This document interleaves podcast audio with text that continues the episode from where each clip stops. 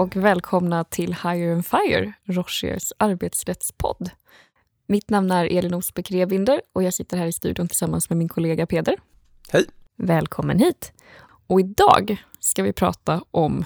Ja, idag är det som ni säkert alla vet alla hjärtans dag och därför tänkte vi prata om det ständigt aktuella ämnet kärlek på jobbet, som nu senast blev aktuellt i Svenska kyrkan. Men hur ska man då hantera kärlek på jobbet? Vad finns det för lagkrav? Har lagstiftaren funderat på kärlek på jobbet och vad det kan få för konsekvenser? Och hur brukar arbetsgivare hantera det? Och vad bör man och vad bör man inte göra? Ja, och det finns ju många skäl till att det här med kärlek på jobbet är någonting som är vanligt. Dels så träffas man ju väldigt mycket och sen har man ju då ofta gemensamma intressen och liknande med de som man jobbar tillsammans med. Och om vi börjar med frågan om vad lagstiftaren tycker om det här så kan man ändå notera att lagstiftaren har infört ett undantag i LAS för den som är gift, har en nära relation med eller sambo eller liknande med den som är företagsledare. Och när vi säger undantag då så menar vi att personer som har en sån relation med företagsledaren, de har inte anställningsskydd enligt lagen om anställningsskydd på samma sätt som alla andra. Precis, och det innebär ju egentligen då att man kan säga upp de personerna så att skulle relationen inte fungera så kommer det vara möjligt att avsluta anställningen. Men nog om anställningsskydd. Man funderar också på hur fungerar det i praktiken när man har en relation på jobbet? Ja, vi noterar ofta att företag har olika typer av policies och ibland så står till och med policyn att det är förbjudet med relationer på jobbet. Och det är väl kanske inte det bästa sättet att hantera som arbetsgivare, tycker vi. Det finns en sorts uppdelning i policies om och policies mot relationer på jobbet. Precis. Och det är väl då främst policies mot relationer på jobbet som vi väl tycker kan vara problematiska. För det första så lär knappast någon relation stoppas av att en arbetsgivare har en policy mot relationen. Och för det andra så riskerar det att skapa vissa problem eftersom det kan motivera individer att då undanhålla sin relation från arbetsgivaren och inte vara öppna med att man har en relation. Men vad, vad händer om man då bryter mot en policy mot en relation på en arbetsplats? Kan det hända någonting? Ja, man kan ju fundera på vad en policy är. En policy är i princip en instruktion från arbetsgivaren till arbetstagaren som den ska följa för att arbetsgivaren har eh, rätt att bestämma över hur verksamheten ska vara upplagd och vad arbetstagarna ska göra.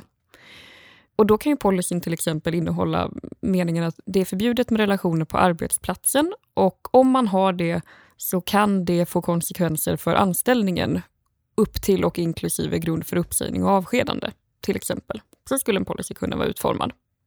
Och då kommer ju nästa fråga.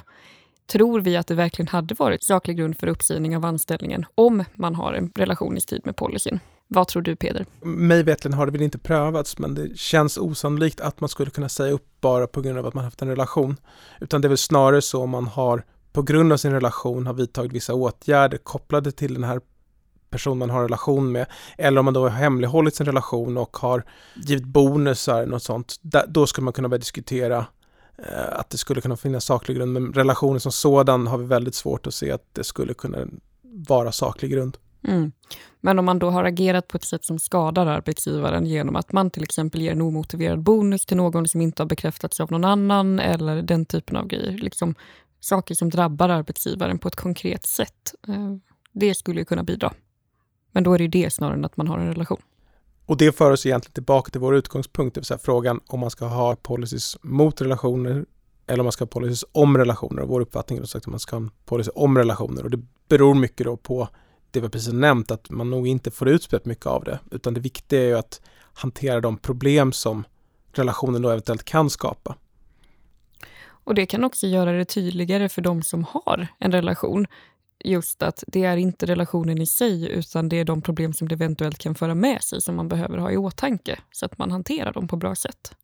Och precis som Peder sa innan så är det ju större chans, tror vi, att man som arbetsgivare får reda på att det finns en relation mellan två kollegor om policyn handlar om hantering av det snarare än förbud mot. När man gör en policy som arbetsgivare om relationer, vad tycker vi då att den borde innehålla?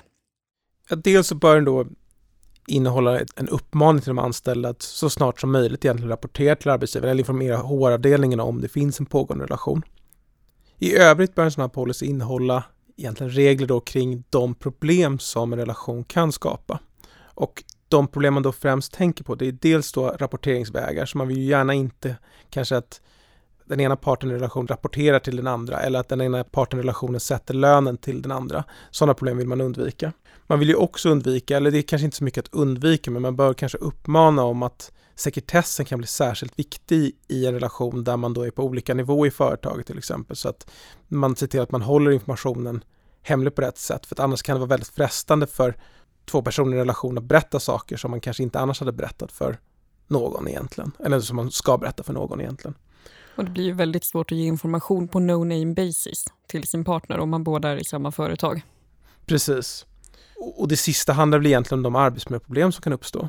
Både under den tid relationen pågår, och då, både mellan de som är i relationen och de kollegor som finns runt omkring en och eventuellt då även efter att en relation tar slut och även där då för samma personer.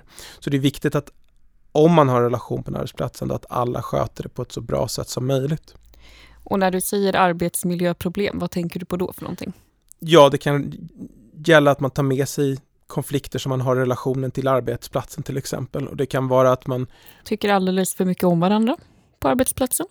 Det kan vara ett bra exempel på någonting som kan vara jobbigt för andra på arbetsplatsen. Och precis som du sa sen också då, om man till exempel skulle göra slut och har svårt att samarbeta därefter eller så, på ett sätt som kanske både drabbar de som har haft en relation och de andra kollegorna runt omkring. Men precis som Peder sa, eh, vi tycker att det är bra att ha en policy om relationer. Vi tycker också att det är bra att som par berätta så tidigt som möjligt för arbetsgivaren att man har en relation. Och Det kan ju också vara ett bra tips om man känner att man vill ställa frågan vad är vi egentligen? Men när man inte vill verka för needy, då kan man räcka fram liksom arbetsgivarens policy om relationer och fråga stämmer det här in på oss? Men om man lyfter blicken då och sammanfattar vad vi har pratat om eh, i det här kärleksfulla avsnittet, så kom ihåg att vissa personer som har relationer kan falla utanför lagen om anställningsskydd och alltså inte ha anställningsskydd. Vi tycker också att det är bra att arbetsgivare har policies om relationer. Vi rekommenderar inte att ha policies mot relationer. Vi tror att man får ut mer av en policy om relationer och hur de ska hanteras och får mer information som arbetsgivare än om man försöker förbjuda dem helt.